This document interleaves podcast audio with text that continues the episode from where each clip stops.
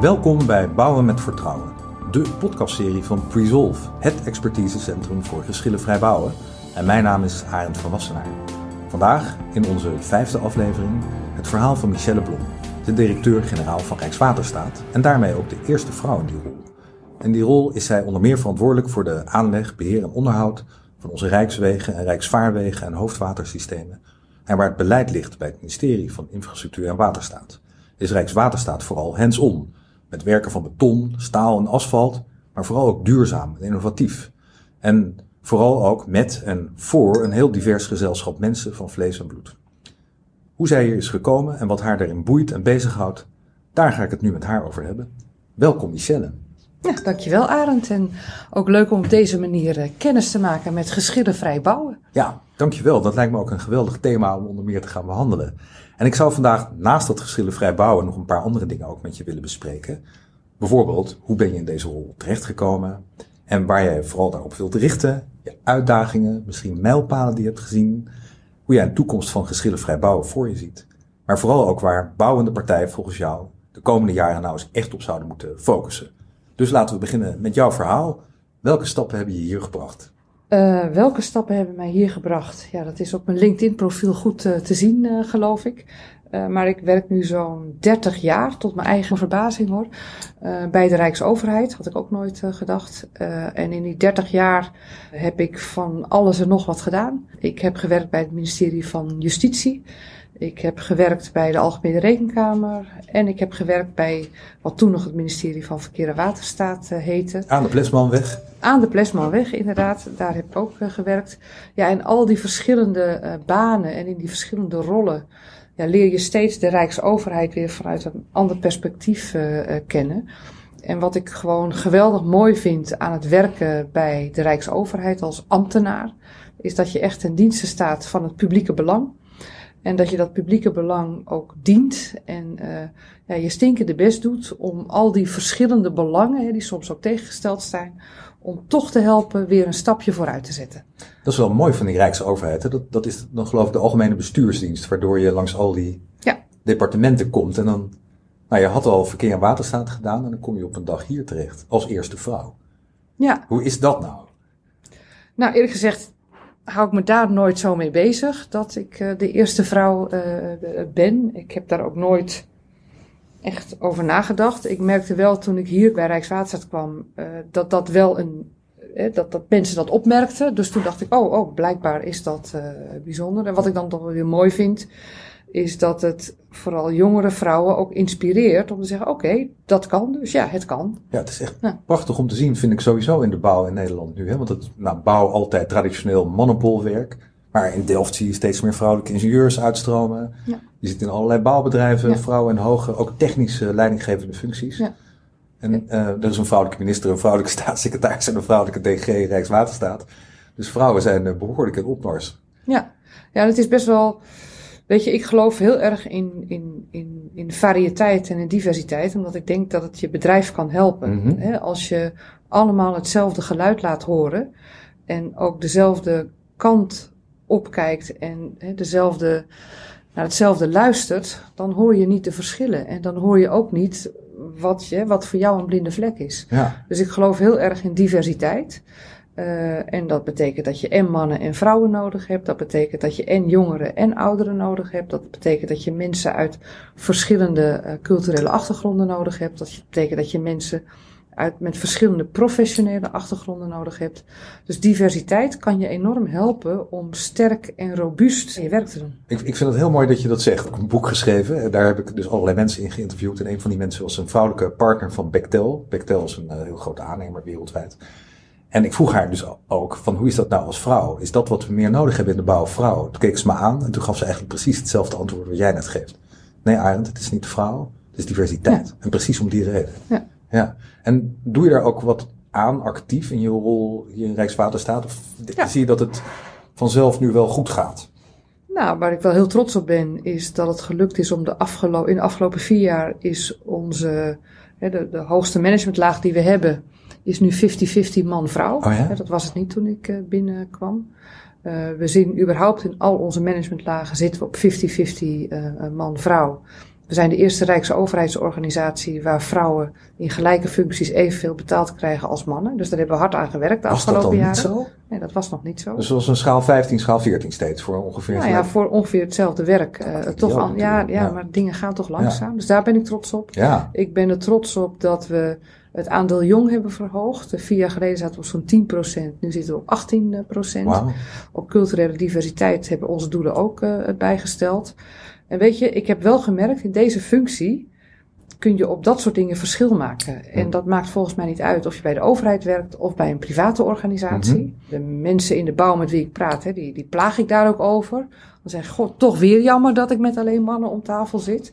Eh, om ook te kijken van, lukt het nu om die diversiteit ook in die bouw te krijgen, zodat je ook als bouw sterker wordt. Ja, we hebben het hier eigenlijk over leiderschap. Ja. Toch? Hè?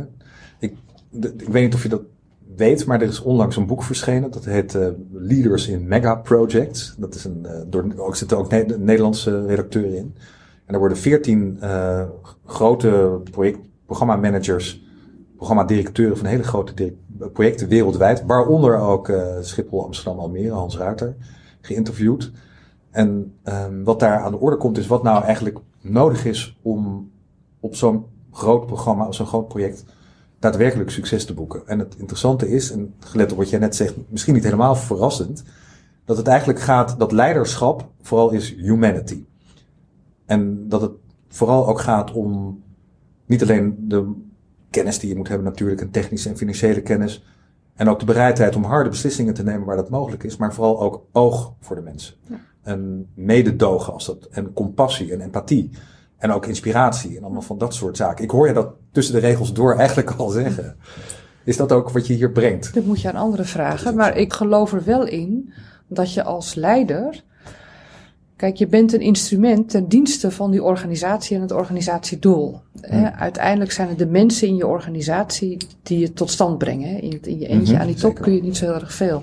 Dus als het jou lukt als leider om de mensen hè, die, die daar werken, dat werk goed te laten doen, hè, dan doe je je werk goed. Ja, Dus dat kan bijna niet anders. Dat je dus aandacht moet hebben voor de mens in jouw bedrijf. Dat, je moet weten wat er speelt en wat er voor nodig is om hen het werk op een goede manier te laten doen. Ja, ja. Maar hoeveel mensen werken er eigenlijk bij Rijkswaterstaat? ongeveer zo, nou ruim 9 9000. Ja, Die, die ga je nooit allemaal één op één spreken. Nee, dat is natuurlijk altijd de ingewikkeldheid van Ja. deze baan. Hè, dat, Ja. je, dat je, en zeker in coronatijd wordt dat niet eh, gemakkelijker. Het was wel zo dat ik daardoor heel goed kon parkeren daarnet op het. parkeer- dat is het enige voordeel. Nou ja, er zijn nog wel wat meer voordelen. Maar de, dus dat is, dat is altijd lastig in deze banen. Dus daar moet je extra je best voor doen om contact te hebben Hmm. met de mensen in de organisatie. En nou ja, vroeger kon je dan rondlopen. In coronatijd kan je wel rondlopen, maar dan kom je bijna Nee. mensen tegen. Dus tegenwoordig probeer ik het te doen door nou, heel veel koffiepraatjes. eh, ja, ik nodig me uit bij afdelingen. Mensen nodigen mij gelukkig ook uit om, eh, zodat je met elkaar een gesprek eh, kunt Ja. hebben. Zodat je probeert de drempel te slechten Ja. hè, de- om dat contact tot stand te brengen. Ik denk dat dat heel belangrijk is voor een leider. Hè. De hiërarchie zit je enorm in de weg in dat contact. Ja.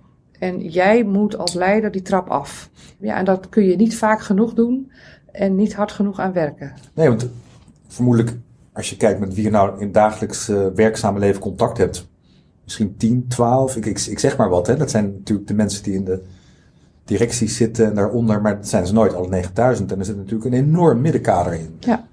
En daar moet het natuurlijk gebeuren. Ja. Die Ja. mensen die, die zijn het echte gezicht van Rijkswaterstaat, Ja. denk ik. Nou, wat wel heel leuk is, is dat we. We zijn drie jaar geleden begonnen met een verandertraject. Dat Mhm. heet eh, Buiten Beter Binnen Slagvaardig. En mijn overtuiging is wel, als je echt een veranderslag wil maken, moet je echt top-down beginnen, omdat je het voorbeeld moet geven.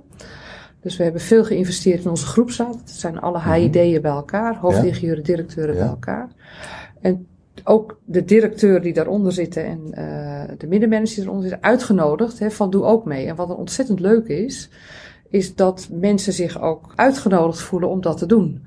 Dus inmiddels hebben we echt een behoorlijke beweging bij de middenmanagers die met elkaar gewoon een programma runnen hè, om vanuit die ideeën van buiten beter, binnen slagvaardig ook hun bijdrage te leveren. Omdat ik er echt van overtuigd ben, zij zijn de ruggengraat. Hm, Hè, zij gaan echt die verandering maken. precies. Ja. Wij kunnen de mogelijkheden bieden, ja. maar zij gaan het echt maken. En, en hoe meet je dat en hoe, hoe zie je dat gebeuren? Ja, het is heel leuk dat je, we hebben dus ook een meting. Hè. Ik heb ooit ook sociologie gestudeerd, dus ik hou van meten en ik hou van longitudinaal meten, dus echt door de jaren heen meten. En we zien nu, we hebben een T0-meting en een TE-meting en we zien dan een verandering. Waar het gaat om samenwerken, intern en extern, waar het gaat om werkplezier. En dat zijn hele belangrijke indicatoren mm -hmm. om te merken hè, dat, of te zien dat mensen uh, de ruimte voelen om hun verantwoordelijkheid te pakken. Want uiteindelijk weten zij wat er nodig is. Ja. Nou, noem je samenwerken. Misschien is dat ook een goed thema om eens even bij de horens te vatten. Hè? Want publiek-private samenwerking, samenwerking. Je hebt ook zelf, geloof ik wel eens ergens in interviews gezegd dat samenwerking is eigenlijk de hoeksteen van. Nou, die, die woorden heb je niet zo gebruikt, Nee. maar, nee, maar dat, in mijn interpretatie ervan, van het succesvol projecten tot gang brengen. En, of, of, of in ieder geval tot uitvoering brengen. Heb je bijvoorbeeld in dit verband de bouwsector leren kennen en het vermogen tot samenwerking met de bouwsector? Ja, ik ben hier begonnen vier jaar geleden en dan oriënteer je, tenminste ik oriënteer me dan eerst. En toen na een jaar uh, gezegd van nou, ik wil nu wel dieper gaan met, een, hè, met de bouw om te kijken wat we nou met elkaar willen. En waar we ook met elkaar staan. En samenwerken lukt pas als je je verdiept hebt in de ander Mhm. en wat het belang is van de ander. Hè, Als ik niet weet, Arend, wat, jij, wat jouw belang is, wat jou drijft, eh, waar je ook misschien hè, in het, eh, bij je thuisfront eh, klappen op krijgt, ja, dan kan ik niet met jou samenwerken. Nee. Dus ik moet jou leren kennen. Omgekeerd is het ook zo. Hè. Ja. Als je met Rijkswaterstaat wil samenwerken, moet je ook Rijkswaterstaat leren kennen. Zeker. Dus daar zijn we mee begonnen, eigenlijk met een vrij fundamentele kennismaking. Mm. Wat is nou eigenlijk jouw belang? Wat is ons belang? En daar kwamen we met elkaar achter, en dat waren echt wel 24 uur sessies hè, met de bouw. Eh, waarin we met elkaar ja, eigenlijk ontdekt hebben, ja, waarin verschillen we nou en wat bindt ons nou? En was er meer dat verschilde of meer dat bond? Nou, er is heel veel dat bindt. Ja? Kijk, bij Rijkswaterstaat, wij hebben de opdracht, zo noemen we dat dan deftig, hè, om de maatschappelijke opgave te realiseren. Nou, in normaal Nederlands, wij hebben de opdracht om ervoor te zorgen dat er wegen zijn waar je overheen kunt van A naar B. Wij hebben de opdracht om ervoor te zorgen hè, dat we droge voeten houden, dat die keringen veilig zijn. Wij hebben de opdracht, nou, zo kan ik wel even doorgaan. Een bouwbedrijf, hè, zijn primaire eh, doel is de continuïteit van zijn bedrijf. Hè? Ja. Want als je niet overleeft, ja, dan kan je niks meer. Dus dat is het primaire eh, doel. En we zagen dat die doelen heel goed te verenigen zijn. Ja, Eh, Want als wij met bouwbedrijven werken die voor goed werk eerlijk geld krijgen, eerlijk werk, eerlijk geld, dan, hou, dan hebben wij een branche die vitaal is. En Ja. die kunnen wij weer goed inzetten hè, voor die maatschappelijke opgave waar wij voor staan. Nou, als je dan met elkaar vindt waar je, waar je kan verbinden, hè, dan ben je er natuurlijk nog niet, want dat is te simpel. Eh, Dan moet je met elkaar gaan ontdekken, oké, en hoe gaan we dat dan doen? Ja. Daar zitten we nu middenin. ja. Ik vind het mooi dat je dat zegt, dat je gemeenschappelijke doelen eigenlijk op die manier Ja. eh, formuleert. En nou, misschien zou je het ook zo kunnen zien dat Rijkswaterstaat in zekere zin de aannemer is van ons als bewoners van Nederland. En, en de aannemers zijn weer de aannemers van Rijkswaterstaat. Dus eigenlijk zijn we uiteindelijk misschien allemaal aannemers die, als ik er zo over nadenk, als ik je hoor praten, hetzelfde doel uiteindelijk dienen. Ja. En met dat verschil, of verschil, dat die faire beloning voor eerlijk werk en voor goed werk natuurlijk super belangrijk is voor de markt. Terwijl jullie, nou, jullie hebben een, een budget en dat moet je op de meest effectieve manier natuurlijk inzetten. En daar heb je niks aan aannemers die ongelukkig worden met wie je ruzie hebt. Nee, en ik heb, we hebben ook ja. niks aan dat als het onvoorspelbaar is, we hebben er Ja. ook niks aan eh, dat we met elkaar gaan ruzieën over Nee. allerlei VTW's. We hebben er ook, daar hebben Nee. we allemaal niks aan. Nee, dus de, de voorspelbaarheid van het werk, dat is bij ons een heel groot goed. ja, Eh, en als we voorspelbaar met elkaar kunnen worden in wat er opgeleverd gaat worden, wanneer dat klaar is en hoe dat, hoeveel dat kost, dan is ons dat een lief ding waard. Want we hebben natuurlijk van alles gelezen de afgelopen tijd over McKinsey-rapporten, twee-fasen-structuur. Laten we dat er meteen ook maar even ingooien. Zijn dat oplossingen of middelen die daaraan kunnen bijdragen, denk je? Of zie je, Ja. wat, wat voor richtingen zie je daarin gebeuren om, om, om die hedge tussen wat je wil vragen en wat er mogelijk is binnen bepaalde financiële grenzen door aannemers, om dat zo dicht mogelijk op elkaar te laten vallen, zodat er geen grote hiaten en geschillen ontstaan over onduidelijkheid. Eigenlijk hebben we gezegd van nou, we, we, we werken vooral toe naar een meer, meer voorspelbaarheid. Mhm. Dus dat betekent dat risico's moeten beter in, in kaart zijn. Nou, risico's moeten we beter leren beheersen. Dus dat is ja. één maar, doel. Mag ik even tussenvragen, maar wat, wat vind jij uh, risico? Wat is jouw definitie van risico in dit verband? Risico is iets wat uh, onverwacht op je afkomt, waarvoor wat je, je, je tijd, je scope en je budget kan, negatief kan beïnvloeden. En, en waarom onverwacht op je afkomt? Uh, nee, dan is het risico, hè? dus dan heb ja. je het niet beheerst. Maar ik heb inmiddels uit allerlei projectmanagers die zeggen mij nee, een risico is eigenlijk alles dat een impact kan hebben op het bereiken van je doelen. Dus voorzienbaar, onvoorzienbaar. En maak het maar gewoon voorzienbaar, want dan kun je het ook beter beheersen. Nou ja, goed. Okay. Ik hou het even tegen je aan als een uh, gedachte. Ja, ja. Uiteindelijk willen wij als Rijkswaterstaat, hè, om, ja, zal toch dat, dat werk opgeleverd moeten Ja. worden binnen tijd, scope en geld. Ja, Dat is het ene wat we willen. En het andere wat we willen is dat we ook hè, blijven innoveren. Want als we het op dezelfde manier blijven doen als we deden, dan gaan we uiteindelijk die grote opgaven die we hebben niet, niet trekken. Dus we hebben een aantal belangrijke doelen. Dat is die voorspelbaarheid Mhm. en dat is die, eh, eh, en die eh, innovatie. ja, Nou, dat hebben we geanalyseerd van waar moeten we dan aan, aan werken. Nou, die risico's. We denken dat met het twee-fase model bij bepaalde type contracten, Mhm. bepaald type werk eh, te kunnen, kunnen beheersen. Ehm, het twee-fase model is niet een eh Haarlemmerolie die opeens voor al die projecten eh, Nee. de oplossing is. Hè. Vroeger dacht men dat DBFM voor alles de oplossing is. Is ook niet zo. Hè, dit werk is vele malen intelligenter ja. hè, dan, dan mensen denken. Dus je hebt diverse contracten nodig. Maar dit contract, dat twee fasen, kan wel helpen. Daar waar de risico's nog onvoldoende in beeld zijn, Mhm. om met elkaar eh, in fases, gefaseerd, te kijken, te onderzoeken. Oké, waar staan we nu? Wat weten we nu? Ja. Wat kunnen we nu afprijzen? En wat nog niet? ja. Dat is eigenlijk de kern van dat eh twee fase model. Ja, het helpt jullie waarschijnlijk om je vraag ehm, gewoon zo, zo helder te krijgen dat die inderdaad kan worden afgeprijsd. En dat je een vertrekpunt hebt om vervolgens daar de hele uitvoering op te gaan baseren. Is dat, is dat Ja, het, is niet alleen de vraag. Hè. Het is, kijk, als wij, en we zien dat vooral natuurlijk bij vervang- en renovatieprojecten, hè, daar hebben we gewoon heel vaak informatie nog niet in beeld. ja, Hè, omdat het in eh, 1920 is aangelegd. ja, En dan zeg ik altijd heel vervelend, maar die aannemer van toen heeft niet het BIM-model achtergelaten. Hè, dat, is, eh, dat is echt heel lullig. nee, Uh, en dus we weten heel veel niet. Mhm. Nou, dan zul je eerst met elkaar moeten onderzoeken. Oké, hoe gaan we dat dan? En hoe komen we tot die informatie? Nou, dat is dan, kan een eerste fase van zo'n traject uh, zijn. Dus we hopen dat het twee-fase model kan werken om die risico's in beeld te krijgen. Waar je ze ook in beeld wil krijgen. Waar je natuurlijk een normaal ondernemersrisico overhoudt. Het is natuurlijk ook weer niet zo Nee. dat we al die risico's in beeld hoeven te krijgen. Hè. Je moet ook ondernemer blijven en ondernemersrisico uh, uh, willen blijven dragen. Michelle, kan je dan vertellen hoe je dat, wat in dat McKinsey-rapport staat, hoe je dat nu gaat uitrollen? Maar Hoe je dat, hoe je dat nu ziet in de toekomst, Ja. wat daarvan wordt meegenomen? Nou, wat eigenlijk de bedoeling is, is dat we met dat McKinsey-verhaal aan de ene kant voorspelbaarder worden, dus als Rijkswaterstaat en dus ook als bouwmarkt, en innovatiever worden. En daarvoor introduceren we een aantal dingen, waaronder het twee-fase-contract en het portfoliocontract.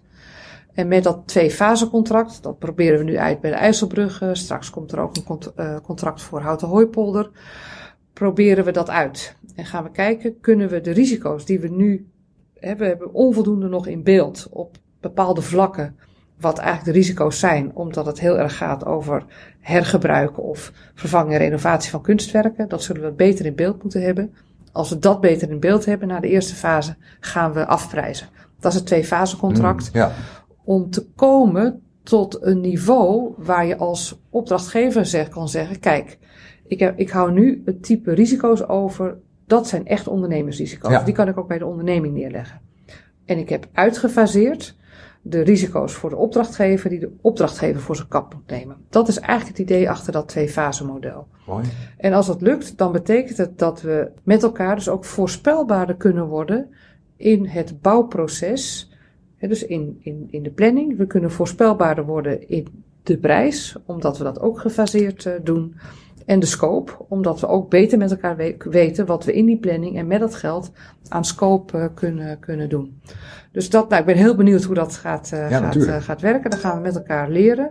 De markt, hè, we zien veel animo om daarop in te schrijven. Dus ja. dat, is, dat is mooi. Daar zit veel energie. En ook bij ons in huis dus zit veel energie. Mensen willen graag daaraan meewerken. en tegelijkertijd zeg ik ook, hè, dit is niet de heilige graal hè, voor alle werken. Nee. dit past bij bepaalde type werken waar je dit moet toepassen. En bij andere werken moet je weer andere contractvormen toepassen. Nou, dan de innovatie. De bouwsector is denk ik een hele mooie sector waar je heel veel innovaties ziet. Maar waar we eigenlijk nog veel meer van kunnen zien. Nou, daar willen we de markt ook op uitdagen. En daar gaan we de portfoliocontracten introduceren daarvoor. Binnenkort komen we met het eerste contract. En de kern daarvan is, is dat je uh, als partij een kavel kunt krijgen. En de belofte voor een volgende, mits je die eerste kavel ook echt naar behoren, naar, naar behoren doet. En boven prestatie, of, daar een goed prestatieniveau in haalt. Waardoor het ook gaat renderen als onderneming om te investeren in innovatie, omdat ja, je hem in die tweede kavel kunt herhalen. Denk je dat die contractvormen kunnen bijdragen aan geschillenvrij bouwen? Ja, ik zei al bij de intro dat ik geschillenvrij, dat klinkt natuurlijk heel mooi. En je wilt ook inderdaad zonder geschillen uh, het werk doen waar het niet, uh, waar het niet nodig uh, is. Ik ben ook van de school dat je het wel zakelijk moet houden. Hè, en uiteindelijk kan er een geschil komen. maar ik denk dat het wel kan helpen om de onnodige geschillen te vermijden. Ja. en met elkaar vanuit ieders verantwoordelijkheid dat te doen wat van je verwacht mag worden. En van ons mag verwacht worden dat we voor eerlijk werk eerlijk geld geven. En van de bouwer mag verwacht worden dat hij voor dat eerlijke geld ook eerlijk werk levert. Nou, dat vind ik een hele mooie afsluiting, Michelle. Dankjewel voor dit uh, gesprek. Uh, het was een heel mooi verhaal. Ik heb er veel van geleerd. En ik zie ook echt uit naar de geschillenarme toekomst, zeg maar. Want geschillen zullen inderdaad altijd blijven, vrees ik. Maar het zou mooi zijn als in samenwerking heel veel van die onnodige geschillen gewoon op een andere manier kunnen worden opgelost. Namelijk tussen mensen, waar we het eerder over hadden. Waar jij die diversiteit ook uh, voorziet. En een soort menselijke beleving daarvan. Dus ik heb er heel veel van geleerd. De luisteraars vast ook. Heel erg veel dank hiervoor. Ja, graag gedaan, uh, Arend. Uh, jij dank voor, voor de uitnodiging. En nou ja, heel veel succes met de, ook met de andere podcasts. Dankjewel. Dankjewel Michelle. Luisteraars, dit was aflevering 5 van Bouwen met Vertrouwen, de podcastserie van Presolve, het expertisecentrum voor geschillenvrij bouwen. En deze podcastserie is te beluisteren via Apple en Spotify, waar je zich hier ook op kunt abonneren. We zien u heel graag terug bij een volgende aflevering.